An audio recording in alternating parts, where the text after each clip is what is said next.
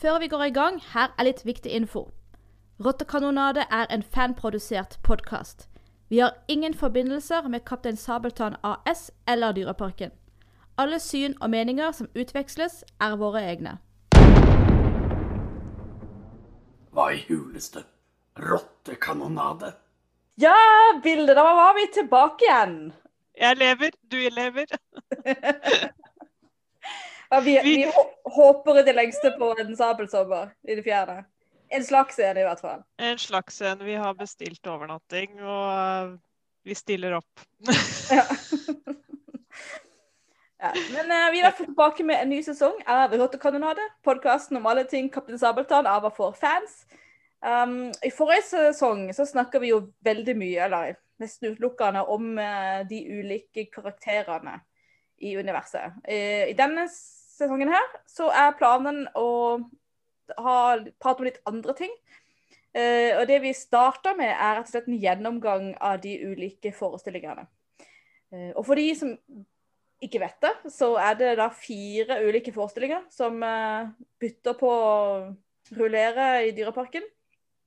Fire, fire grunnstorier, liksom. Ja. Ja. Eh, det er litt omstridt hvilken rekkefølge de skal liksom forestille. og, og handlingen og altså hvilken kronologisk rekkefølge de har. Men vi vet i hvert fall, og alle er enige om, at den første det er den som heter 'Grusomme Gabriels skatt'. Så 'Kaptein Sabeltann' og 'Den grusomme Gabriels skatt'. Eh, og det er den vi skal prate om i dag. Yes. Og hvem skal ta det første startskuddet? Eller nei, det blir vel andre eller tredje eller fjerde startskuddet. Det er skikkelig ordentlig startskuddet på begynnelsen. På Fordi- denne historien om den historien. Ja, OK. Og så er det bare sånn at folk også er klar over det. Vi kommer til å spoile noe helt vilt. Så hvis noen mot all formodning ikke skulle sett den historien før, så ja greit. Da, da, da er det rart at du har funnet denne podkasten, tenker jeg. Hvis du ikke, hvis du ikke kan den historien. Nei. Men eh, nei, for grusomme Gabriels skatt er Altså, noen reagerer kanskje når, vi sier at det er den første historien. Så Sånn, nei, det stemmer jo ikke. Det er jo ikke grusomme Gabriels skatt. Det er jo Skatten i Kjuttaøyka. Det er jo mange som kanskje tenker. Men uh, som sagt, altså, har vi vel valgt å forholde oss til storyen her, eller historiene. Ikke helt sånn låst fast til selve forestillingen, selve versjonen, liksom. Og så grusomme Gabriels skatt er jo eh, rebooten, remaken av den originale, aller første forestillingen. Eh, sånn sagt veldig enkelt. Så derfor så begynner vi med den all, helt aller første forestillingen, helt tilbake i 1990. Og da må jeg si den der ramsa som Terje Forme har sagt i så mange intervjuer. Det startet med Åla. Seks skuespillere, to te teknikere i uh, Kjuttaviga scene i den 9. Juli, 9. juli 1990. Da var det premiere på verdens aller første Sabeltann-forestilling. Og det var 'Kaptein Sabeltann og skatten i Kjuttaviga'. Uh... Og veldig kort så handler det om om Sunniva, som Mhm. bor sammen med tante Bassa og Røde Ruben i Kjuttaviga. Så forestillinga åpna med det husker jeg så tydelig fra da jeg var der, at uh, var på løpende ned midtgangen, eller trappene i amfiet, og ropa 'Ruben! Ruben!' På sånn skikkelig sørlandsk. Eh, og så har hun funnet et skattekart. For der har de rett in medias res. Vi er rett i handlinga. Hun har funnet skattekartet før handlinga begynner. Eh, og hun der forteller oss at hun har vært for å bade i en eller annen bukt, og så har hun funnet dette kartet i det gamle vraket. Mm. Og det er jo kartet til uh, Vise veien til grusomme Gabriels skatt. Uh, som uh, Og det er jo Vel, altså det jeg kom på nå, er at jeg tror jo før Sunniva løper ned trappa der, så tror jeg Pinky kommer gående inn og synger sangen sin. Er det ikke det Jo, Aller, ja, aller først. det. Vi har sett han komme inn, han synger sangen sin, og når hun kommer, så løper han og gjemmer seg. Og så følger han med og får med seg at hun har fått ka har kartet. Nettopp. sånn Eh, nettopp, jeg sa det. Mm. Eh, og historien der er jo rett og slett det. Pinky følger med.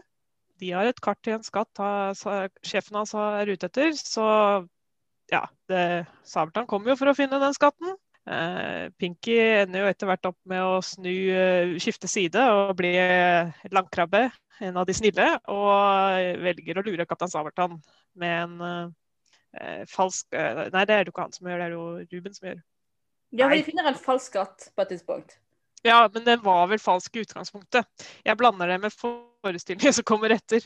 Eh, fordi eh, de går vel og leter, og de Ja, De finner, jeg, jeg jeg, husker veldig godt de finner en kiste med gamle fiskesaker.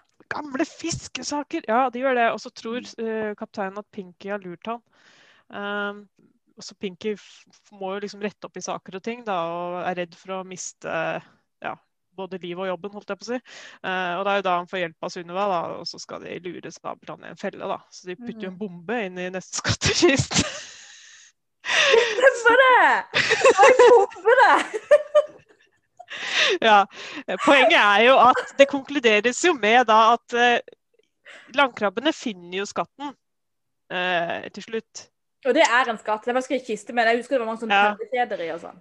Ja, mens eh, kapteinen og de andre blir jo overvunnet av Ruben og slått med en feiekost og ja, de andre, da, altså Pelle. Ja, ja, det er jo bare de to i den.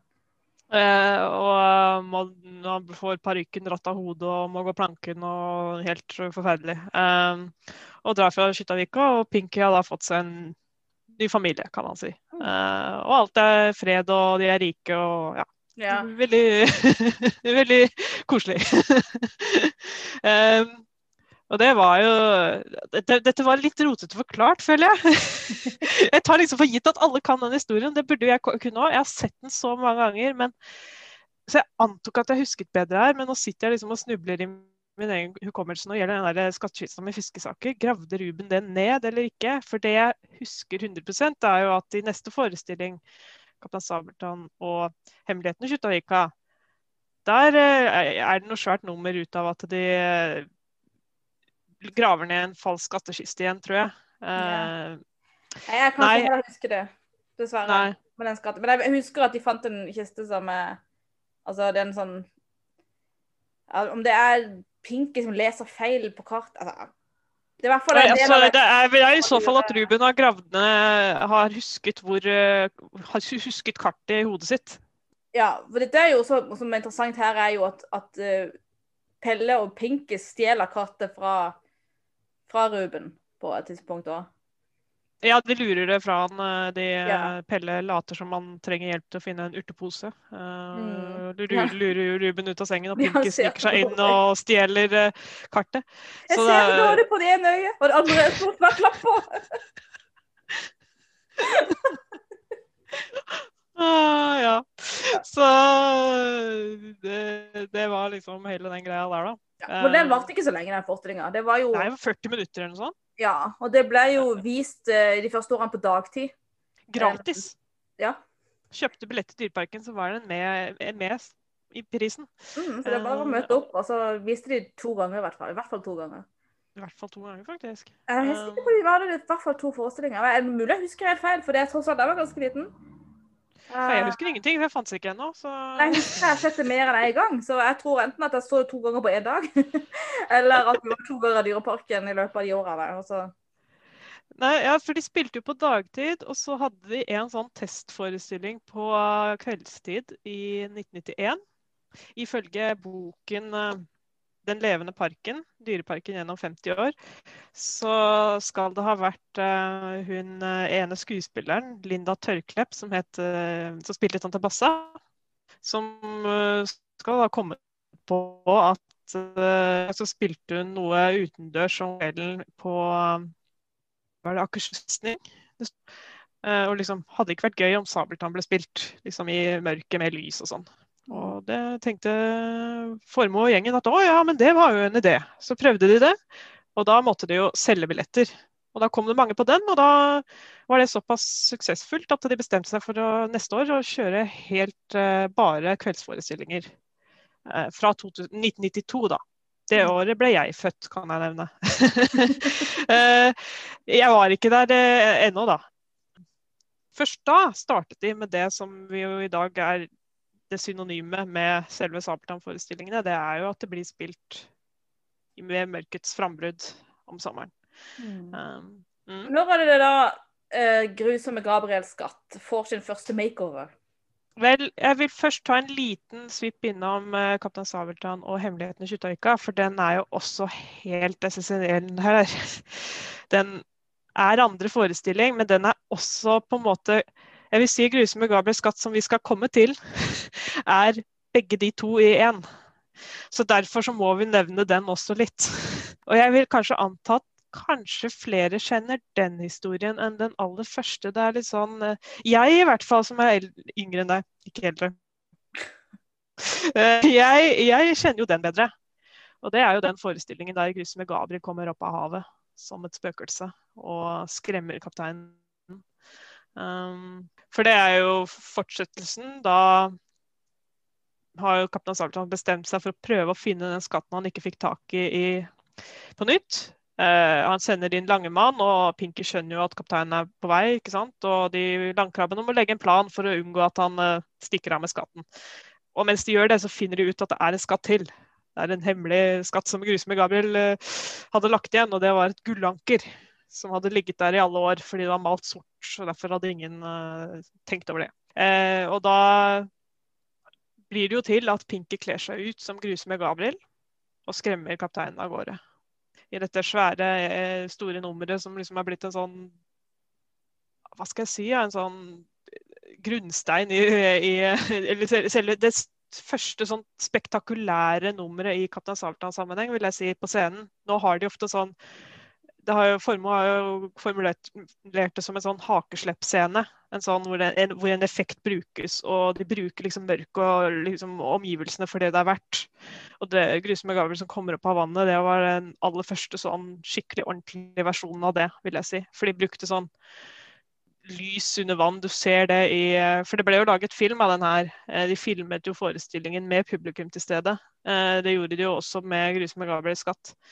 Um, så vi kan jo se er jo så heldige at vi kan se, det, se disse filmene og se liksom hvordan de gjorde det. Ikke bare som en sånn eh, filmet versjon uten publikum, som de senere gjorde. da. Um, så ja.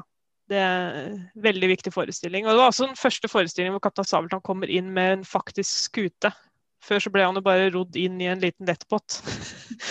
uh, men nå har fra, fra, denne forestillingen så hadde han da fått Den sorte dame. Og 'Kaptein Sabeltann og hemmeligheten Skytterøyka' hadde premiere i 1994. Mm. Uh, og den ble spilt igjen i 95. Uh, da skal den ha hatt en annen tittel. Litt annen tittel. Um, var det 'Kaptein Sabeltann og grusomme Gabriels hemmelighet'. Og det var jo fordi den ble spilt i Asker, og ikke i Dyreparken. Uh, Pga. den der rettighets... Uh, ja, da kunne du ikke bruke ordet Kjuttaviga. Nei. Uh, så, og det var den første forestillingen jeg så. Jeg husker ingenting av det. Du var vel sånn tre år, så. ja, jeg var tre år. Uh, yes, men det er gøy å si at jeg var der. Jeg vet ikke om vi skal traile litt off, men jeg føler nesten for å gjøre det. For det jeg tror jeg husker, var at vi var på Aker Brygge noen dager i forveien. Fordi det var en sånn happening med at kapteinen og Ruben og noen andre, andre figurer var der, liksom. Antagelig holdt noen form for show, da. Uh, og, og, jeg har blitt fortalt at jeg var der, og der mener jeg faktisk at jeg husker litt. At jeg liksom var så liten at jeg ble løftet, og at jeg liksom kunne se at jeg liksom uh, assosierte det med Sabeltann. da. Så det minnet holder jeg, holder jeg veldig på. yes.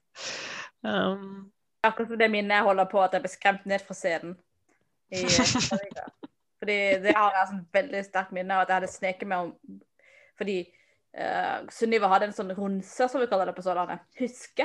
uh, og den skulle jeg, ville jeg prøve, så jeg gikk opp på scenen og satte meg på den. Og så ble jeg jaga ned. Og det var en sånn veldig traumatisk opplevelse for ei lita jente. Så det husker jeg altfor godt. det var ikke forestilling, altså, mind you. Det var uh, mellom, eller før forestillingen. Eller, ja, det var på dagen ville tilstander man kom seg opp på scenen den gangen. Nå er det jo så sperret av at uh, Ja, jeg har ikke sett en alminnelig person på den scenen på år og dag. Eh, ganske mange skilt, men det er veldig stengt og sånn. Så, ja, ja.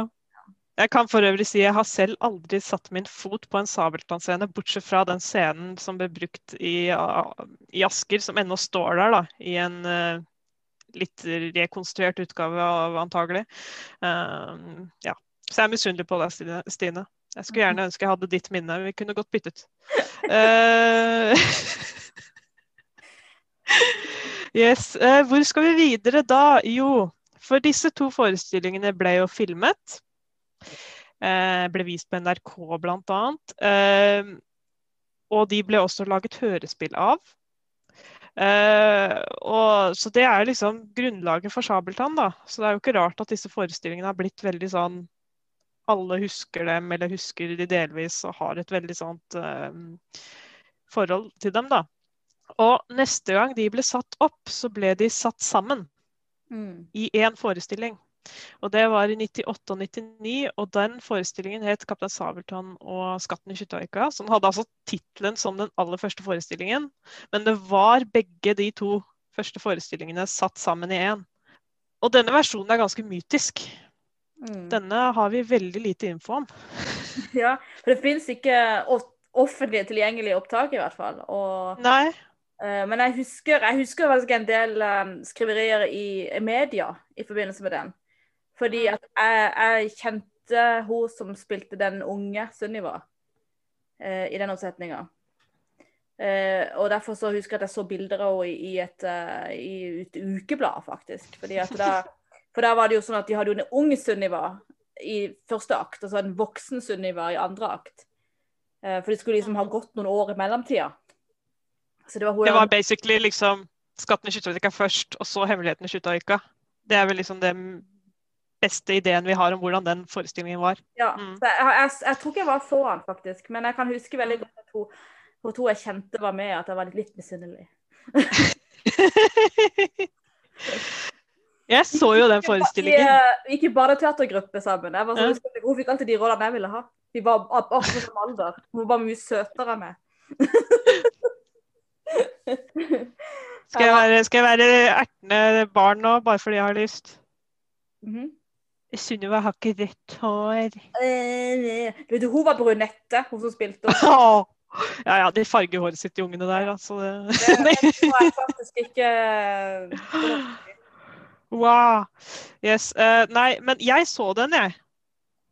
Jeg så den forestillingen. I 98. Jeg har ja, Suvenirprogrammet, det er kjempefint. Det er utrolig. Det er degenerert. Det er helt ødelagt.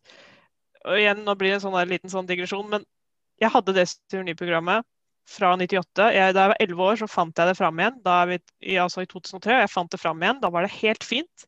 Blankt og fint suvenirprogram. Jeg bladde i det og var sånn Oi, det er sånn tidskapsel, og nå får jeg se hvordan det var i 98. Og det var kjempemagisk. Men siden jeg var 11 år, så var jeg altfor gammel for dette, så jeg turte ikke ta den med meg på rommet mitt og ta vare på den. Jeg ga den til min lillebror på tre år. Det skulle jeg ikke gjort. På et eller annet tidspunkt senere så så jeg at den lå midt på gresset i hagen. Oppslått midt på gresset i hagen, og der lå den. Men siden jeg var en ten tenåring, jeg, vet, jeg trodde jo jeg var mye eldre enn jeg var, siden jeg var 11 år, så turte jeg ikke gå ut og plukke den opp og ta den med inn på rommet mitt og passe på den. Eller si fra til broren min at kan du ta den med deg, liksom. Nei da, jeg bare lot den ligge der noen dager, jeg. Og skjærte i brystet mitt. Jeg var sånn, der ligger den. Heldigvis overlevde den av en eller annen grunn. da. Den ble tatt med inn, og den ble ikke kastet. Og jeg har den i dag, men derfor er den helt sånn der eh, falleferdig. Sidene er falt fra hverandre, den er teipet sammen, den er helt sånn sprø. Men uh, den er leselig, så, så jeg beholder den. men ja. Um, jeg husker ikke noe ellers. Jeg husker ingenting ellers. Eller, for det er det som er så vanskelig. Når, når de, den forrige, de forrige forestillingen ble filmet, ikke sant? så så du de som barn, og så er du usikker på om det er de du husker, eller om det er den forestillingen du så du husker. Ikke sant? Men eh, Men det er dette året hvor Benjamin dukker opp, er det ikke det? yes, det er det. det fordi eh, det er veldig lite info om denne forestillingen. Du finner så å si ingen bilder på nett. Eh, Det mest informative materialet jeg har sett eh, i forbindelse med å liksom sette sammen hvordan denne forestillingen var, i tillegg til suvenirprogrammene, da, var et sånt program på NRK om, som handlet om Dyreparken og ansatte der, som ble spilt inn på slutten av 90-tallet. Og Nå husker jeg ikke helt hva det programmet het, kanskje det bare het Dyreparken. Eh, men eh, det var noen som hadde funnet eh, gammelt VHS-opptak av dette, et program der hvor de faktisk viser klipp fra øvelsene og litt fra forestillingen. Så da kan vi faktisk se at de øver, og vi kan faktisk se bruddstykker av selve forestillingen i det programmet. Og da kan vi se Benjamin og Odin, eh, hans bror, eh, som surrer rundt. I, og det ser ut som de driver med en sånn gimmick og slapstick rundt at de har kroker og sånn i bakgrunnen. Eh, Terje Formoe som Sabeltann. Eh, dette var den siste forestillingen av liksom det originale hans fartstid, da, som var fra 1990 til 1999. Eh, så hele ja, det originale crewet. Siste gang Svein Haagensen var Ruben og sånn. Um, så med Helen Vikstøt også er med i det opptaket der. Du ser henne er instruktør og som uh, sånn um, koreograf. Eller instruktør var hun vel ikke, men koreograf, da. For hun var visst allerede med da. Uh, så Nei, det er kanskje det mest uh, Uansett. ja, så det er Så det virket jo som det var en litt mer sånn de forestillingene etter hverandre. Også at det kanskje var litt mer sånn det var noen dansere eller, eller noen av skuespillerne dupliserte som Eller gikk ja, det, det som danser også. Det begynner å bli et mer sånn show. Mm, det ser sånn ut etter det programmet. Og litt sånn Ikke bare skuespill. Ja. Vi ser også noen bilder liksom, som ser, Jeg har sett også noen private bilder som har havnet på nettet, liksom, hvor du ser det liksom, ser ut som det er litt mer sånn poff og pyro, som at Sabeltann dukker opp og liksom synger. At det ser noe likere ut som i dag, da. Eh, på noen områder. Så det blir mer show, mer dans, mer eh, fart. Kan vi anta. Men ellers så er det litt sånn mystisk. Liksom, hvor hadde de med alle sangene fra forrige forestillingene? ikke sant? Hvor lange var de sangene? Kortet de ned på noe? Det er masse sånne ting vi ikke har noe peiling på. Um, så neste gang uh, altså at det grusomme Gabriels skatt blir satt opp, da har han jo faktisk den tittelen. Men imellom der så har vel det kanskje den tegnefilmen vært der? Ja, og den, eh, den, den kan vi ikke komme utenom her. Um, for da i 2003, andre juledag 2003, så hadde en eh, tegnefilm premiere som het 'Kaptein Sabeltann' veldig intetsigende tittel som ikke sier noen ting som helst, som jeg nettopp sa.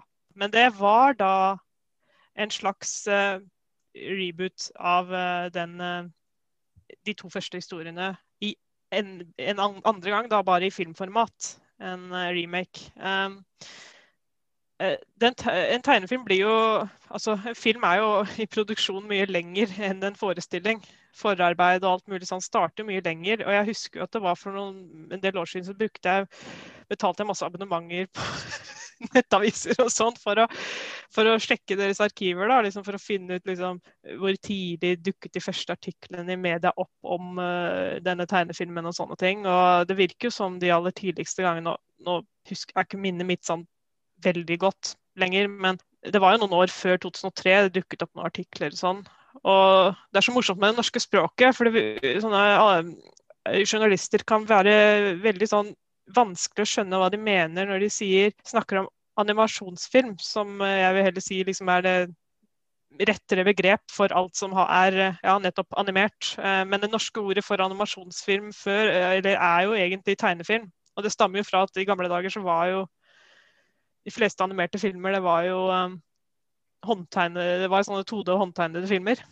Eh, så, så noen, så, noen, sånne artikler så står det at de skal lage en tegneserie, og de skal lage en tegnefilmserie. Og de skal lage en tegnefilm Så det blir sånn OK, var det på et eller annet tidspunkt planlagt å lage en animert TV-serie? Eller ikke? Ja. Så, så de tidligste artiklene så er det litt sånn forvirrende og vanskelig å skjønne. Men um, på et eller annet tidspunkt så ble det jo bare denne ene tegnefilmen. da, Om det i det hele tatt var noe annet, eller om det bare var eh, journalister som skrev mye rart. Um, og jeg husker den veldig godt. Jeg husker jo den uh, Jeg var jo elleve år i 2003. Og uh, da var jo Jeg ble jo oppmerksom på at denne tegnefilmen skulle komme da jeg var i Dyreparken i året. Og det første jeg ser når jeg kommer inn porten der, var jo en sånn svær plakat som liksom informerte om at det kommer en Kaptein Sabeltann-tegnefilm eh, til jul. Og eh, da var liksom det halvåret fra den sommeren til julen det året, da var det liksom bare den, eh, den surret og gikk mye i hodet mitt. Jeg var så spent og hele greia. Ja, så den var for meg i hvert fall en svær ting å se fram til. Og ikke på noe som et tidspunkt. Jeg fant det fram. Jeg fulgte med på nett, jeg fulgte med i alle ukeblader eh, jeg fikk tak i. Jeg fulgte med i aviser og sånn for å finne all mulig info jeg kunne før filmen hadde premiere om den filmen. Og ikke på noe som helst tidspunkt gikk det opp for meg at det var en remake av de to første historiene.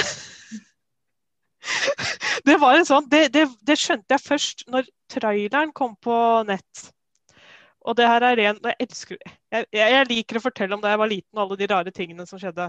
Eh, skjønner dere sikkert nå. Men dette var såpass gamle dager at eh, jeg skjønte Jeg, jeg fant da traileren på nett, men jeg fikk ikke spilt av videoen, men jeg fikk spilt av lyden.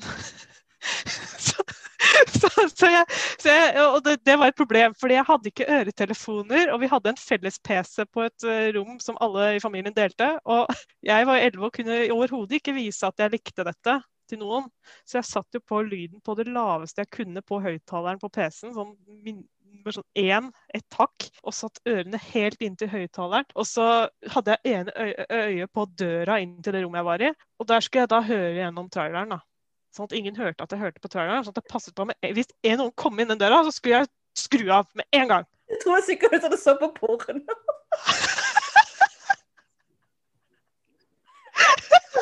Hva ser dere se det på? Ingenting! Ingenting! Nei, ingenting! Og da er det sånn Har du sett på voksenfilm? Nei. Traileren til Kaptein Sabeltann. ja. Ja, men det var, det var jo like, det var like hjertebank og helt sånn, ja. Jeg skjønner jo det. altså Det er jo sånne ting du ikke innrømmer. Jeg, jeg lurte lillebroren min til å kjøpe fotballblader. Fordi at jeg ville se på fotografier av fotballspillere jeg syntes var kjekke. Så, så, og så ville jeg ikke innrømme for mamma og pappa jeg syntes de var kjekke. Så, så, for min, så, så det, var, det, var, liksom min greie. Da jeg stjal de bladene, så hadde de De gjennomskua meg, si det sånn. Det, jeg, si, jeg, vet du hva, jeg gjorde noe lignende med min søsters blader. Skal jeg si hva slags blader det var, og hvorfor jeg stjal de? Eller lånte de, da, for å si det på en finere måte. Unnskyld, lillesøster, jeg tror ikke jeg har fortalt det til deg før. Hun samlet på Disney prinsesseblader. Og jeg kunne ikke like prinsesser, for jeg var veldig sånn antiprinsesse. Men mange av prinsessene hadde jo sånne sidekick-styr som jeg likte. Ah. Så jeg snek med meg de bladene for å se på bildene av sidekick-styrene. Og så gjemte jeg det under sengen, og så leverte jeg det tilbake på rommet hennes når hun ikke så. okay. Men det som da, hvis vi nå var tilbake til hele filmen, da. Ja. det er en remake av de to nye Ja, for det, det kommer fram i den traileren. Men det som antagelig forvirrer alle, det må jo ha vært tilkommerne, nykommerne. Som på en måte du ser bilder av Glade Gorm, som da er eh, en viktig person i, dette, i den historien, men som ikke har vært med før. Ja, fordi det, det første bildet var jo den plakaten. Og der ser du sånn filmplakaten til filmen, da, som de nå bruker som sånn cover på jeg vet ikke der den er tilgjengelig digitalt eller på DVD og sånn, da.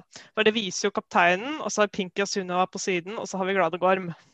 Og så sorte dame i flammer i bakgrunnen, vet du. Og Sunniva holder Gabriels maske, ikke sant. Og alt dette var jo helt nye elementer, så jeg var jo fullstendig overbevist om at det var noe helt nytt vi skulle få se. Så når jeg hørte den traileren, og jeg hører på traileren liksom, at Jeg skjønte jo fra det som ble sagt, at hæ?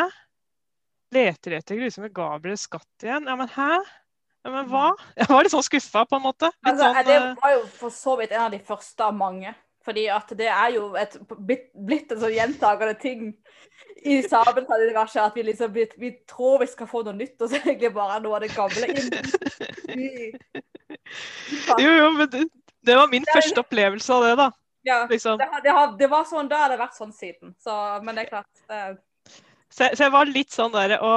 Men heldigvis, den filmen er jo ganske annerledes enn de to første historiene. Det er, ikke, det er liksom ikke de to rett etter hverandre, sånn som forrige gang. Det er jo en skikkelig sånn uh, rework av uh, originalmaterialet, det der. Som sagt, Glade Gorm dukker opp i denne. Um, ja, hvordan skal vi på en måte fordi det, For det er jo mer sånn Det er jo liksom tatt elementer fra de to første forestillingene, gjort om i en sånn dramaturgi som passer en film bedre, da. Hvor du går mer i karakterenes syke, litt mer på det psykologiske, da, kanskje, enn forestillingene. Um, hvis du skjønner hva jeg mener, Stine. Uh, er, du følger Pinky veldig. Fokuset blir på Pinky, for vi følger han. Sånn gjør man jo gjerne i film. Man finner en figur, og så vi skal se det gjennom deg. Uh, og så, så, blir det litt sånn hvordan Pinky forholder seg til kapteinen. Pinky har jo en motivasjon her. Han vil bli sjørøver, eh, som han jobber etter. og underveis i denne fortellingen så, så finner han jo ut at kapteinen er jo ikke til å stole på, egentlig. Eller han, han bruker deg bare så lenge han har nytta nytte av deg, liksom. Og lurer deg gjerne og alt sånt. Så Pinky ender opp med å snu og ta uh, sine innbyggerne sin side, for de er jo gode og snille mot han. Um, så han ender jo opp med å bestemme seg for ikke å være sjørøver til slutt. Um, og det er jo et element som er tatt fra den aller første forestillingen, ikke sant. Jo, og så Grusomme Gabriel er et element her. At han eh, at i motsetning til aller første forestillingene, to aller første forestillingene, så har han jo Skatten er blitt bare ankeret. Eh, og Pinky og Sunniva kler seg ut som Grusomme Gabriel på et tidspunkt for å prøve å jage bort kapteinen. da. Så, men så er jo Glade Gorm oppi der da, som en sånn ekstra skurk, som antagelig liksom skal gjøre kapteinen litt mer sånn eh, Sånn at han også kan være litt helt, selv om han er skurk. sånn at han har noen å slå som er verre enn seg. Eh, og Glade Gorm er en sånn Jeg tolker han som en sånn John, Long John Silver-referanse. For han mm. er veldig lik den figuren. Altså alt fra det å gå i dekning som kokk på skuta, og til å, til å humpe rundt denne, denne stokken. Uh, alt det er jo rett rip-off av uh, og en ekstra fun fact der er jo at uh, Disney kom jo med en animasjonsfilm det året som het Hva het den på norsk? 'Sjørøverplaneten'. Mm. Og der er jo en cyborg-versjon av John, Long, Young, John Silver. Ja. Og han, stemmen hans er Helge Jordal. Helge Jordal er også stemme på Glade Gorm. sånn, I mitt hode så er det liksom Hvem sa hva? det er to helt like skurker, men det er samme stemme som er på dialekta. Ja. Var Ja, så Ja, så jeg tolker jo han veldig som en sånn, da. Eh, og han er jo Han føler jeg ble liksom tatt med inn fordi allerede før så var det jo litt sånn i, i 'Jakten på Mags diamant' og 'Den forhekste øya' så hadde det jo blitt etablert at nå går det an å bringe inn verre skurker enn Sabeltann som han skal slå, så har det vel blitt en sånn at det er en suksessfull ting. da, Så jeg antar jo at, eh, at det var ikke etablert med den tegnefilmen, men det var noe som ble puttet oppi der. da. Um, og den tegnefilmen hadde da som sagt premiere andre juledag. Jeg pleide å huske hvilken dato jeg så den, nå er jeg litt usikker. Det var 28. eller 29. desember 2003 på Colosseum kino i Oslo. Den svære salen. Uh, for der ville jeg se den. For jeg hadde fått med meg at det hadde vært en førpremiere der. Som jeg dessverre ikke fikk med meg før den hadde vært. Og da ble jeg veldig trist. Da gjemte jeg meg bak sofaen og gråt litt. Men jeg kunne jo ikke vise at jeg gråt. fordi da, hvis jeg spurte liksom, men hvorfor gråter du, har det skjedd noe på skolen? Jeg fikk ikke med meg at det var førpremiere på Sabeltann! Ja, nei, det var et hardt liv den gangen. Uh, ja, så Derfor så var det liksom viktig for meg å se den i den store salen. da. Og selv om jeg var litt sånn Jeg husker også anmeldelsene kom jo før jul. det husker jeg så godt. Og det var litt sånn der blanding. Det var sånn ja, en firer, så var det kanskje en treer, så var det en femmer. Det var litt sånn Ja, bruke et gammelt uttrykk, da. Bob-bob. Det var litt sånn uh. Jeg syns det er interessant at du allerede som Hvor gammel var du? Elleve? Ja. At du allerede da var interessert i anmeldelser. Ja, men jeg hadde, jeg hadde, jeg hadde blitt snytt for førpremiere, så jeg måtte jo lese altså, Jeg kan ikke huske jeg leste anmeldelser engang. Jeg. jeg var ikke interessert i det grad. uh, men altså, selve filmen i seg selv var jo en helt annen opplevelse enn å se de to forestillingene rett etter hverandre, som sagt. Altså, det føltes ut som noe veldig nytt. Hele innpakningen, alt var veldig sånn nytt. Eh, og det store tingen som jeg kanskje da i ettertiden, og som alle er enig i, som kanskje gjør at den filmen ikke er den store, svære klassikeren som jeg Eller rett vanskelig å si, jeg antar at den ikke er en stor, svær klass klassiker.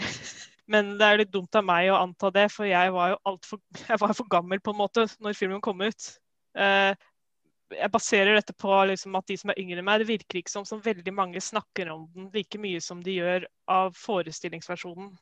Så det er bare det han Altså, jeg hadde jo jeg hadde jo da liksom begynt å se, se Sabeltann igjen i sånn Mm. 2014-2015, så tror jeg hadde jeg glemt at den kom. Var sånn, ja, det var en tegnefilm. Så jeg tror, jeg tror ikke den gjorde noe sånn varig inntrykk på noen. Jeg tror den er litt sånn at det, at det eh, som trekker unger inn i Sabeltann, det er forestillingene, og det er hørespillene av musikken. Mm. Jeg det er mitt inntrykk, at det er liksom sånn de blir introdusert for det. Men jeg kan jo Ja. jeg har jo ikke barn sjøl. Men ja, når du sier det, sangene f.eks. Altså, den tegnefilmen er vel to litt sånn ting som ikke, jeg ikke syns funker helt. Da. Det er jo Animasjonen på den er den er ikke sånn kinofilmanimasjon. Eh, den, har- den er jo kjent for å være litt sånn ujevn og ikke være noe spesielt god eh, animasjon. Eh, også sangbruken der er litt sånn jeg vet, altså, Musikken der er jo heldigital, tror jeg. Det er ikke noe ordentlig eller Det er kanskje noen ordentlige instrumenter på selve sangene, liksom, men det, er, det høres ut som det er sånn orkestermusikk, ikke sant? men det er ikke det. Det er visst gjort på PC, alt sammen. Eh, og eh, så, så den sangene var sånn kortet ned. Fikk, de kom i gang, og så sluttet de liksom før de ble ordentlig i gang. Eh, så det føltes veldig sånn hakket og oppstykket. Eh, mot å da, så for meg så tror jeg det var to sånne minuspunkter, da. Eh, som jeg også da lurer på meg hvorfor folk ikke Generelt så er det jo litt sånn at animasjonsfilm blir sett på som litt sånn Det skal mye til før liksom mange voksne er veldig interessert i det. Da skal det være kjempegod animasjon, og så skal det gjerne være masse voksenhumor også. Eh, og det var det jo ikke i denne. Nei, det var lite grann. Det var jo litt sånn eh, Noen ting som Du kan ikke kalle det humor, men det var jo litt en voksen ting. Altså, det er jo den her snytens fulle skalken, eksempel. Eh, Skalken dukket jo opp i denne filmen, det glemte vi å si. Ja, Sant det? Han, han var jo med, og, det, og sånn, jeg, sånn det ser ut som når du ser filmen nå, og sånn jeg oppfattet det den gangen jeg så den på kino, var at han var jo bare med for at Glade Gorm skulle ha en grunn for å være der. Nettopp. og han var jo en figur som ga veldig sterkt inntrykk bare når han var der, ikke sant. Um, så, men det, det, det jeg prøver å dra litt inn på her, er jo at den filmen husk, den, Det er nesten litt sånn trist, fordi 'Grusomme Gabriels skatt', som vi skal fram til, det er jo egentlig bare en sceneversjon av den filmen. 'Grusomme Gabriels skatt' er den filmen på mange måter. De har, tatt masse replikker derfra. Det, hele liksom, dramaturgien, alt. Det er, liksom, det er en sceneversjon av den filmen. Det eneste forskjellen jeg vil si, er jo skalken får en større rolle. yes. Fordi I filmen så blir han jo etterlatt i, i Abrahamn eh, når Glade Glade Gorm tar jobben hans. Mens i forestillinga så finner han seg ikke i det, og så blir han med. Ja. Og så lusker han jo rundt i, i bakgrunnen og er jo egentlig den som eh, oppdager hvor Kjuttaviga har gjemt skatten sin. Og da snakker vi, For det her er jo også nytt. Det er jo at ja, skatten er dette ankeret, men innbyggerne av Kjuttaviga tror at skatten de er ute etter, er det, de, det de kaller seg for sin skatt. Som Mm. jo er tante Bassas oppskrifter.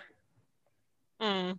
Og det er jo fra tegnefilmen, ja. Ja, og det er jo som er forestillinga, det det, det er jo skalken som oppdager at, at de har gjemt skatten i den tønna. Så viser det seg å være oppskrifta og ikke skatten, men ja. Ja, nei, det, det, det tror jeg er den senere versjonen du mener, mener at han oppdager det. Fordi, i, for han ble, fordi han har jo fått mer og mer å gjøre i Ja, ja. hver nyutgave. Det skulle jo da gått et halvt år fra tegnefilmen hadde premiere til sceneversjonen kom. Og igjen så gikk Vilde da 11, etter hvert 12 år, på den samme blunderen. Hun skjønte ikke at forestillingen med tittelen 'Den grusomme Gabriels skatt' var samme historie. Hvorfor ikke det? Det handler som grusomme Gabriels skatt. Nei, jeg, jeg, jeg trodde det var en ny historie som handlet om samme skatt. Jeg, jeg, jeg hadde ikke noe kunne det jo vært. Kunne jo vært. Jeg hadde så lyst på noe helt nytt at jeg var helt sånn eh, Det ser du. Det har vært lang, lang, lang lang rekke av skuffelser. det her. Og likevel så elsker vi det sånn. Nei, men jeg, jeg, husker, jeg husker så godt det. ikke sant? Det var, nå, nå var filmen kommet, og den hadde jeg sett. Så var tiden inne for å glede seg til forestillingen. da. Eh, og igjen var det den samme jakten med alle ukeblader, alle mulige medieting den gangen. Ja, så ble det vel avslørt, og det var vel i anmeldelsen av den, husker jeg. Som jeg leste. For jeg, jeg, jeg skulle se forestillingen veldig sent. Jeg skulle se den nest siste eller siste forestillingen det året. Så jeg måtte vente sånn helt til august før jeg fikk se den. Så det var en lang pinsel når du går rundt og tenker på det hele tiden. Um, så, så da, var det en sånn anmeldelse av VG eller noe sånt uh, rett etter premieren med sånn to sider. Um, hvor, hvor det da ble hvor det ble tydelig at dette var jo en, eh, dette var en sceneversjon av tegnefilmen. Og det er det jo. eh, som sagt. Trenger jo egentlig ikke Den største forskjellen i den opprinnelige versjonen er jo at eh, Skalken er mer eh, deltakende, da. Men han gjør ikke så mye som han etter hvert gjorde, da. For han, han ble, han var sånn Samme skuespiller spilte både Skalken og Borgermesteren. Sånn var det. Sånn var det. Og så er det jo sånn at det var etter hvert som, det, som eh, Robert Kjærestad. Takk. Kjenner jeg bare så Robert. Etter han begynte å spille Skalken, så, så fikk Skalken en større rolle. Så det er jo mye på grunn av han, tror jeg, Skalken har vokst. Fordi, nettopp fordi han er så morsom. Og så flink til å så veldig mye ut av en sånn utgangspunkt ganske liten rolle, da. Ja, fordi den forestillingen ble jo 'Guse med Gabriel Skatt hadde da premiere i 2004. Da fylte, feiret Kaptein Sabeltann sitt 15-årsjubileum. Så nå føler jeg meg veldig gammel Stine. Nei, neste jubileum nå er 35. Ja, ja. ja. Mm. jeg vet det. Hjelp, hjelp. Au. Um, jo, og så da var det 15-årsjubileum, så ja, hva skulle jeg med det? Jo, så det var litt sånn ekstra stas. liksom, De gjorde litt sånn ekstra stas på det. Det var sånn ekstra oppmerksomhet i media og artikler og ting- ting og tang. Eh, det var en eller annen vei jeg skulle med dette. Ehm, det føltes veldig nytt, den forestillingen, husker jeg. Og jeg føler jo, i ettertiden så føler jeg at den forestillingen, den brang, akkurat som tegnefilmen, så var den et sånt skifte. Et så stort løft som jeg ikke jeg føler har blitt gjort siden. Eh, men det kan jo være påvirket at dette liksom var en sånn etableringsperiode for meg når det gjelder Sabeltann, som dere sikkert har antatt i de små anekdotene jeg har her. Eh, fordi eh, jeg ble liksom frel Sabeltann-frelst i den perioden. Eh, så, så, men det var et veldig sterkt inntrykk, fordi dette var den første forestillingen hvor du begynner i Abrahavn. Eh, I starten av forestillingen, hvor Den sorte dame kommer inn helt i starten, hvor det kommer masse dansere som danser til en sånn overtyre. Um, og så har de sånn tjeneskifte ja, litt sånn Ja, ute i forestillingen. For det, det har jo blitt standarden nå. Altså at man Mm. starter i Abrahaven, og så drar man en eller annen plass. Mm, Uh, og det er, for, det, er vi i 2004, bare sånn mm. for jeg er med. Ja. Så det var helt nytt og nyetablert den gangen. Og jeg husker jo det var så svært. Det var så utrolig svært. Og så føltes det så mye større, fordi forestillingene før så hadde de ikke hatt så veldig sånn nærvær av eh, Jeg, jeg vet ikke om det ord, rette ordet er statister når det er sceneproduksjonstidene. Du skjønner hva jeg mener? Altså de som ikke har navngitte roller, men som bare går rundt og liksom danser og gjør ting. Nei, fordi de hadde ikke hatt like stort nærvær i tidligere forestillinger. De føltes mer, eh, det føltes større, det føltes mer levende. Plutselig hadde Sabeltann fått noen i mannskapet som liksom ikke hadde noe navn, Mm. som bare var der. Um, og ja, de hadde jo puffet, puffet opp en del ting, da. Uh, Den sorte dame brant jo. Yes, ordentlig. vi- Vi er spesialeffektenes eh, tidsalder nå. Men altså, det største var jo igjen det der sceneskiftet. Altså, det var kjempesvære greier. Um, så det var helt klart at den har liksom Og jeg, som sagt, selv om de har vokst og vokst og vokst i alle årene som har kommet etterpå, så har de liksom ikke hatt den like store hoppet, føles det. Det har vært mer sånn De starter nå alltid i Abraham. Det er alltid en dans, og det er alltid skuta kommer inn. Det er jo alltid et sceneskifte. De kan liksom spinne litt på det, men eh, den grunn, grunn, er der hele tiden. Så ja, nei, det var svært. Um, og den forestillingen ble da spilt i, fra 2004, 2005 og 6 Den ble filmet i 2005. Jeg tror de gjorde det på kveldstid når publikum hadde gått. Så måtte skuespillerne ut igjen, og så filmet de eh, forestillingene. Ja, eh, så Det blir sånn, eh, litt sånn digresjon igjen. men dette, Ved denne forestillingen så var det jo de første, de installerte den permanente, svære altså Når man tenker amfi i Skyttavika, så består jo det av to sånne områder. Det er den parkett, Hva heter det, Stine? Er det parkett og galleri man kan kalle det i, i, i amfi? Ja, altså Vi har vel ikke det Men i teater ville man nok kalt det det, ja. Ja, fordi det er jo liksom felt Det var nedre og øvre del av amfiet. Ja, ja. Den øvre delen av amfiet før 2004 eh, så var den sånn provisorisk. De satte den opp hver sommer, og så tok de den ned igjen. Men etter 2004 eller 2005, jeg er litt sånn usikker, så, så, bygde de en permanent som et bygg. Så det var jo en sånn ekstra ting som gjorde at det føltes ekstra stort eh, den gangen. Så de filmet jo den, og jeg vil jo anta at den filmen er kanskje den mest sette av de nyeste filmene.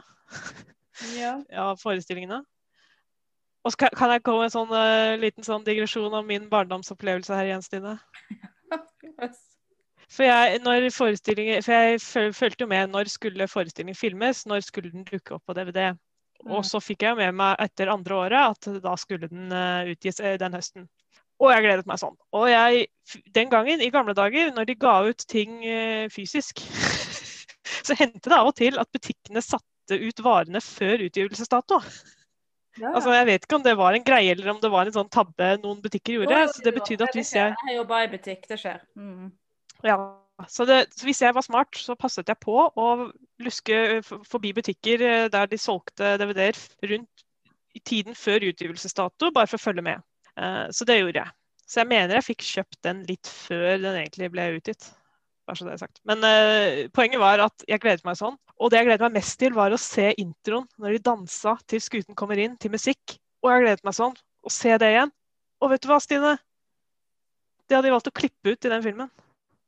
Mm. Begynte bare rett på når kjørerne kommer gående inn. Det var så bittert. Og den overtyren fikk ikke noe offisiell utgivelse på film eller CD før i fjor. Den de spiller til den dansen. Mm. Så mange år. 15 år nesten. 15 år, ja. Eh, ja. det er over nå. Men eh, det ble jo også satt opp i 2010 og 2013. Mm. Eh, skjer det noe i de årene? Altså, er det en, endringer i, i handlinga da? Å oh, ja, ja, du kommer ikke til Det er så lenge til du kommer, Stine. Det er så lenge til du begynner å se den. jeg var så, Første gang jeg så 'Grusomme Gabriels skatt' Nå snakker vi ikke om originalen. Stine har aldri sett den. Men jeg så den i sist jeg ble satt opp, og det var vel i 2018. 18 og 19. Ja. Da så jeg Stine. Stine har ikke sett de første her, så jeg må sitte og tråde dere gjennom de. Men hvilket av disse årene er det Glad det går om har en ekstra mann? Jeg har ark. Ekstramann, hvor er du? Jeg tror det var 2010. Ja. Og det er også det ene året hvor, hvor Terje Formoe er tilbake. Å oh yes, det var en svær greie den gangen. Kan du tenke deg det, Stine? Ja. det var svært. og nå er det så mange år siden. Og det er sånn, uh, vi vil ha Skatt og Sauer tilbake igjen. Jeg bare, ja, originalen. Jeg bare, ja. Jeg syns det var litt seint i 2010, da. Det var i hvert fall seint da. Men ja, han er tilbake i ene året. Ja, fordi Gustav Gabriel Skatt ble faktisk spilt i tre år. Og så fikk han en treårs pause da for Heksedøya ble spilt i tre år. Um, og så havna Gryse med Gabriel skatt igjen da i 2010. Og igjen så gikk Vilde på den samme feilen. Det var sånn, Etter uh, Forheksøya så sto det 'Nå kommer det en helt ny forestilling'! Sånn, nå da! Nå kommer det en helt ny forestilling! Nå har det gått seks år siden jeg ble sånn superfan. Nå, nå må det komme en ny forestilling! Jeg er blitt, hvor gammel er jeg blitt nå, da? Gammel? 17? Jeg vet ikke. Uh, gammel. Uh, og jeg leser på nett, og den nye forestillingen er Å, så spennende! Gryse med Gabriel Skatt! Føltes som jeg krasja med nesen i grusen. Jeg var sånn Neimen øh! På dette tidspunktet har vi blitt vant til å få Altså, du, altså Her burde du ha begynt å skjønne tegninga. At, at, men, men det blir så kom skuffelsen tidlig. Denne gangen. Ja, fordi, men, men, men greia var jo at jeg var litt sånn Jeg, jeg, hadde, jeg leste jo alle ting jeg kom over i Sabeltann, så jeg antok at hvis Terje Formoe skulle gjøre et comeback, så ville det bli det, den forestillingen. Og det var liksom magefølelse, kan du si. da Man hadde liksom hintet til at den savnet å spille igjen, eller, eller sånn, da. Og så var det liksom det Jeg vet ikke, det var bare noe med en tanke som slo meg at hvis han Og det ble jo annonsert senere, da. Eh, Så kom han på var det Nyhetsmorgen, og da var det to ting han skulle fortelle. Og det var det kommer en TV-serie! Vi skal spille inn til høsten! Det får sin egen podkastepisode, tro meg. Eh, og så var det at han skulle spille Sabeltann igjen. Mm. Og det var svært. For eh, nå var det jo gått over ti år siden han hadde vært Sabeltann. Og jeg hadde jo ikke noe minne av å faktisk se han live. Så han var jo en sånn mytisk Han var jo liksom den originale. liksom Som at jeg trodde at det var noe sånn ekstra magi på scenen og han var selveste kaptein Sabeltann. Det, det høres så rart ut å tenke tilbake på nå. Men dette var før Kyrre Haugen Sydnes. Tenk, den tiden fantes Stine. Tenk det. Det er det siste året før han. Ja. Wow. Eh, ja, nei, så det var jo stas. Men 2010-versjonen var i det store og det hele ganske lik 2004-6-versjonen. Bortsett fra at, at uh, Glade Gorm hadde fått den der totalt unødvendige ekstramannen. Roger. Roger. Tøge. Den Og Roger. som han heter. uh, og så var jo, Der var jo Skalken fått mer rolle, for da var det Robert Kjærstad. ikke sant? Og han var jo Skalken hele tiden. Han var ikke borgermester i tillegg. Nei, nettopp. Um, men ellers så var den stort sett ganske lik, altså. Eh, dette var vel siste året Dette var vel første året ikke Ingolf Karin var Pelle, for han hadde vært Pelle i alle år før. Um, så det var første året med liksom nytt sett med Pelle og Pisa. Det var vel siste året for, uh, for Eller siste kurset med Gabriel Skatta for uh, originale Benjamin. Så det var en litt sånn derre uh, Og det var også siste grusse med Gabriel Skatt for den aller den originale Langemann, Audun Meling. Så det var liksom den siste forestillingen hvor du så mange av de gamle Nettopp. Fordi sammen. Neste gang jeg setter opp i 2013, så er jo hele det nye sittet med. Mm. Um, så, det var, så da ble jo det, liksom, det, det demmet opp for den der liksom Åh, den historien igjen. Så var det liksom Åh, Terje Formoe. Åh, liksom alle de gamle. Åh, det var sånn Åh, barndomsdrøm. så det var så stas. Um, veldig rart å tenke tilbake på nå. 2013, den store greia med Det var jo da med Gabriel Skatt igjen. Skal jeg prøve å finne en innledning med at jeg ble skuffa igjen? Ja, altså, det blir jo ikke det, det, jo ikke det samme Vel, ikke vel, men nå var, jeg nå var jeg begynt å bli så stor og voksen at jeg ikke ble overrasket. For nå var jeg passert 20. Så nå var det litt sånn mm, Altså, det ble jo annonsert høsten 2012, og da var jeg litt sånn i rus. Da var det mye nytt Sabeltann. TV-serien hadde nettopp gått sin gang. Abraham var åpnet. Det var hint til at det var ønsker om å lage en live action spillefilm. Så da var det liksom godtatt at de kjørte på nytt. ja, Og så hadde de akkurat spilt 'Havets hemmelighet' for første gang. Ja, og så var det show på var det Kaptein Sabeltann sjørøverfest på Chat Noir vinteren 2013. Så hadde fått så mye nytt. så da var det liksom litt sånn Å ja, Grusom Gabriel skatt igjen. Ja, Ja ja, det kommer noe annet nytt rett etterpå. Så for en gangs skyld så var jeg ikke så skuffa. og så var jeg gira. For jeg hadde jo blitt helt forelska i Kyrre Haugen Sydnes. Så jeg gleda meg jo vilt til å se han gjøre den, og Håvard Bakke gjøre den.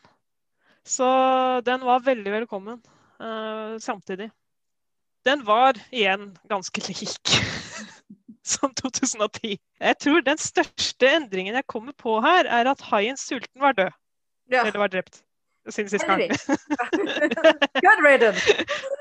Vet du hva, han- var erstattet med eh, Var det en eh, Jeg har skrevet inn mine notater her. Han var erstattet med en nysprengt rotte. Det høres litt rart ut, men altså istedenfor at haien sulten da liksom hopper fram fra havet og remmer eh, Gorm i vannet, så er det skal skalken som kommer liksom Kan jeg få by på en nysprengt rotte? Ja, Så ja. smeller den rotta, og så skvetter Gorm i vannet. Veldig rar uh, ting, men Ja, ja, vi, om det som kommer seinere.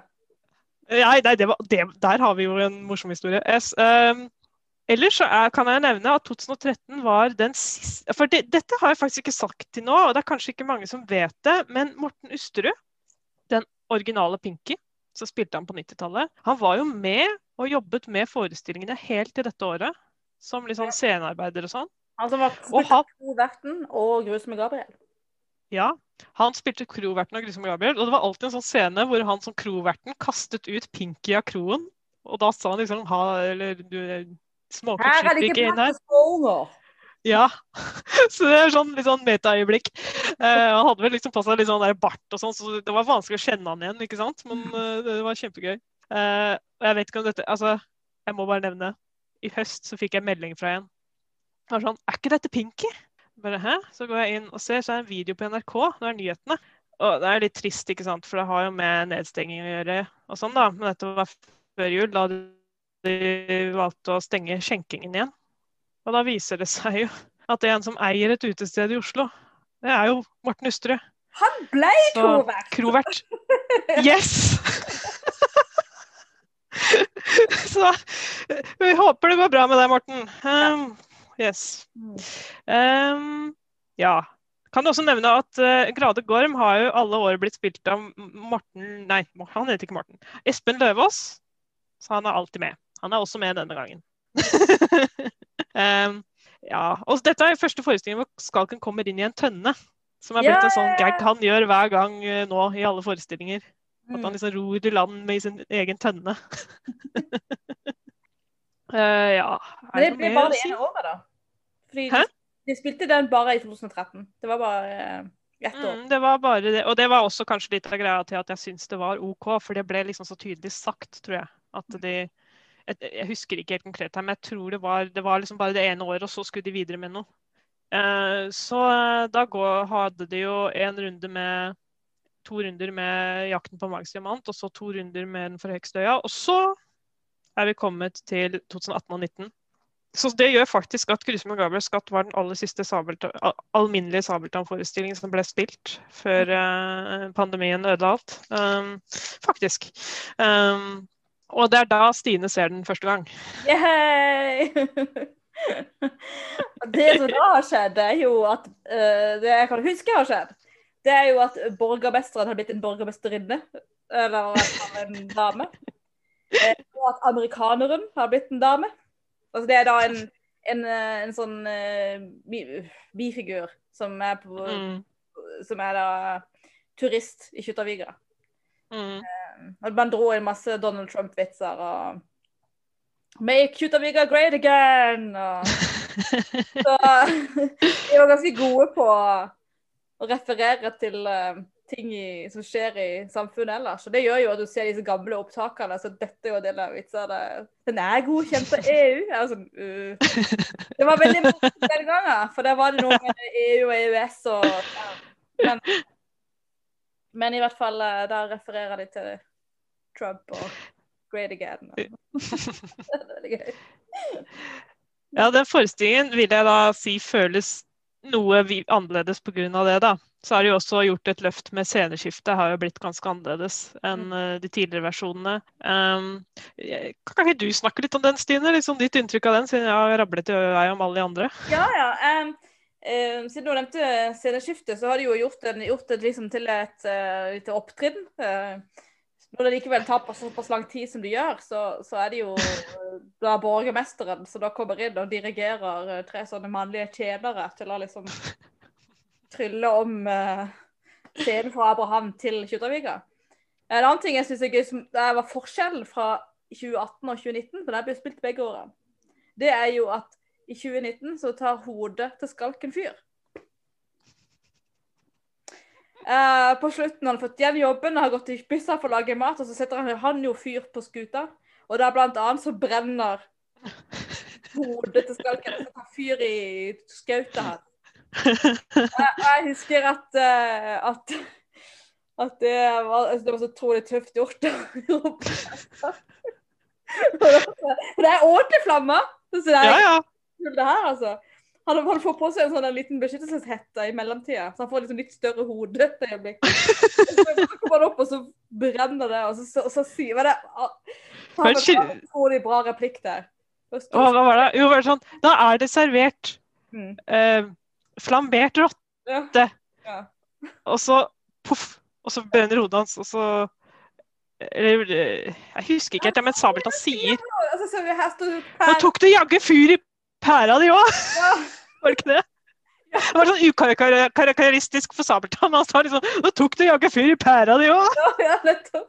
Det er sånn, det er sånn veldig kjøreuttrykk. Mer enn samtaleuttrykk. Det er så veldig gøy. Og så er det jo sånn, vi, så, vi ser jo mange forestillinger du har med hvert år. Så det Mm. var jo noen ganger den ikke tok fyr. Ja, ja. Det, Så de har Altså- ventet så kunstig lenge, men så kommer det fyr i det, eller gjør det ikke. uffa meg. Så uh, nei, det var veldig morsomt.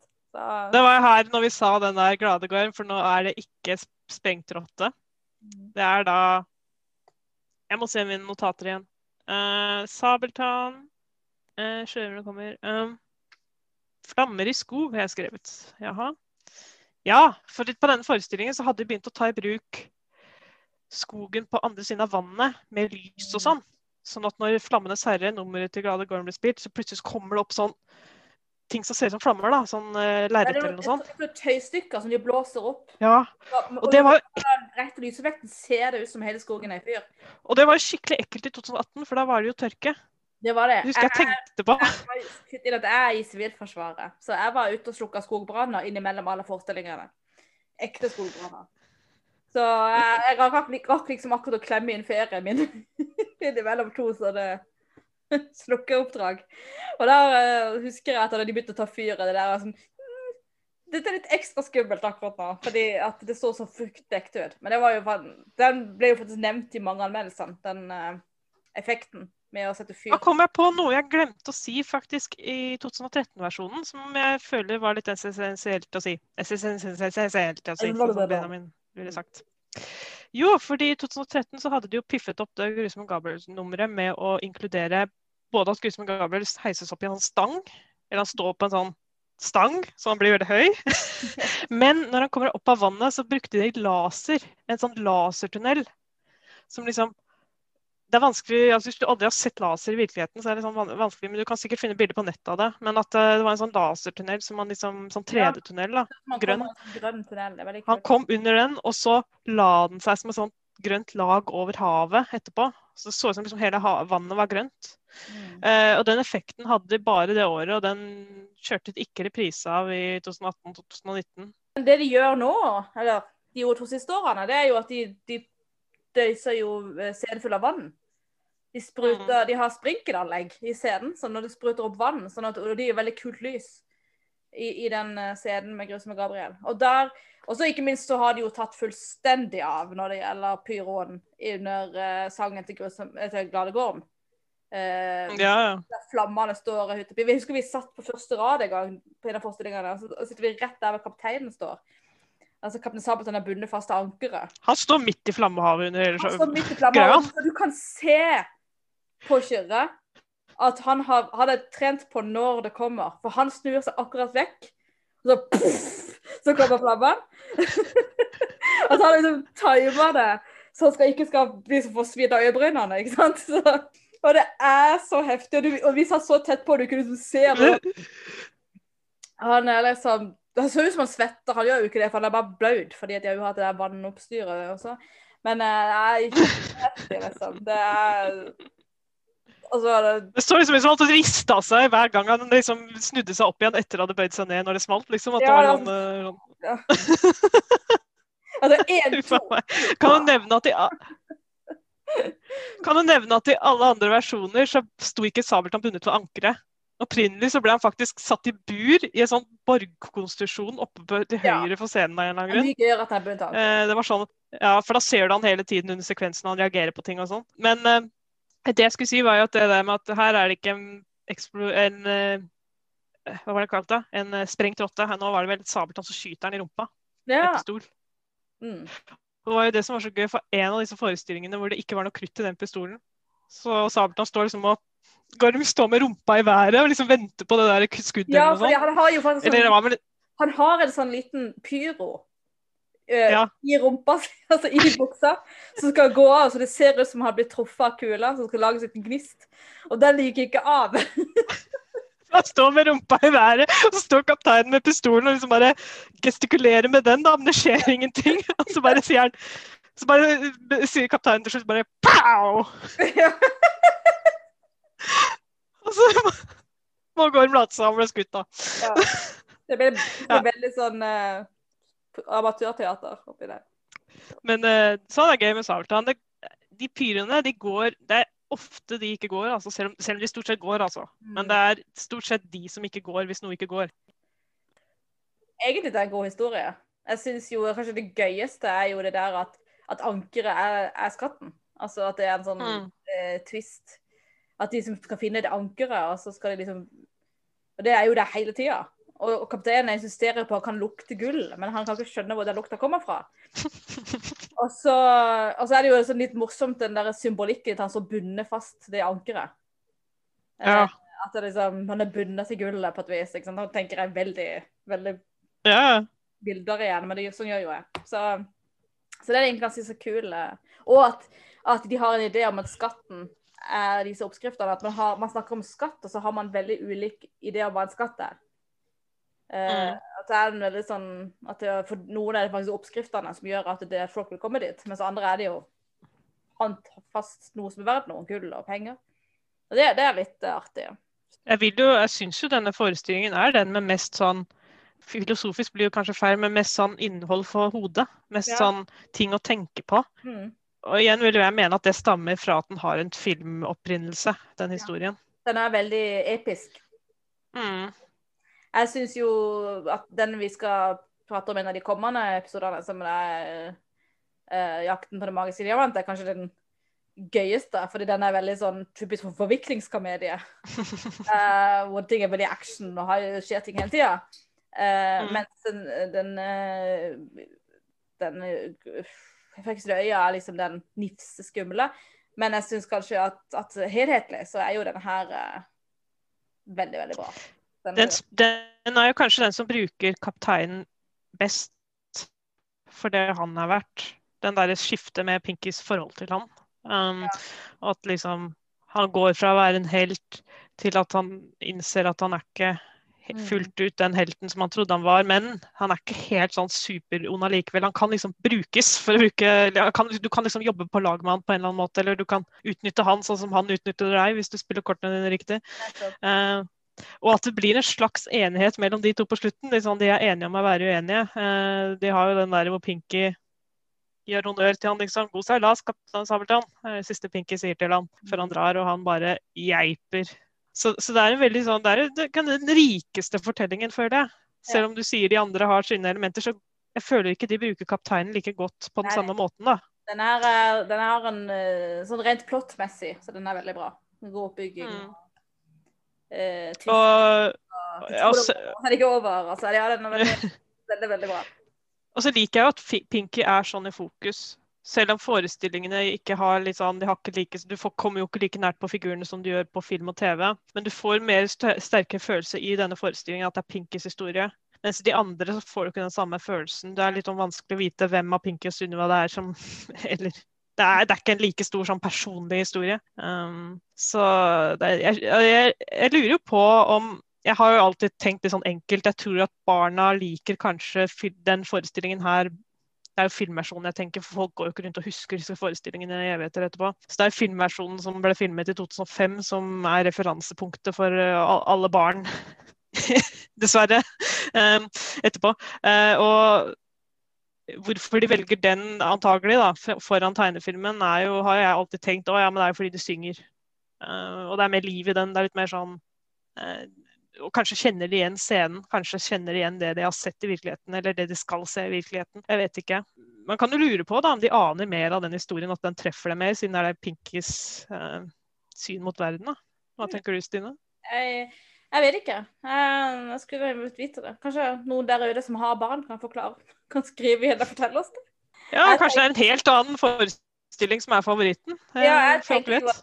at TV-serien, som vi også prater mye om, det ikke er et første møte med mange mindre barn. Men Ja. jeg vet ikke. Det kommer til å finne ut. Ja, men da eh, fikk vi i hvert fall nerda og ranta godt i vei om eh, denne forestillinga. Vi er jo som sagt eh, tre andre som rullerer og går i Dyreparken, så vi kommer tilbake til de. Eh, neste gang så, vi, vi tar det i den rekkefølgen de dukka opp første gang, så neste gang skal vi da prate om uh, jakten på den magiske diamant. Som jo er min personlige favoritt. Stines favoritt. Jeg kan da nevne at dette var ikke min favoritt, men så får vi se hvem jeg bestemmer er min favoritt. Men det var ikke denne. Takk for praten, og så Yeah. ses vi senere. Yeah. God Seilas. Ja. God seilas. Ha det. Pelle! Pelle! Pelle!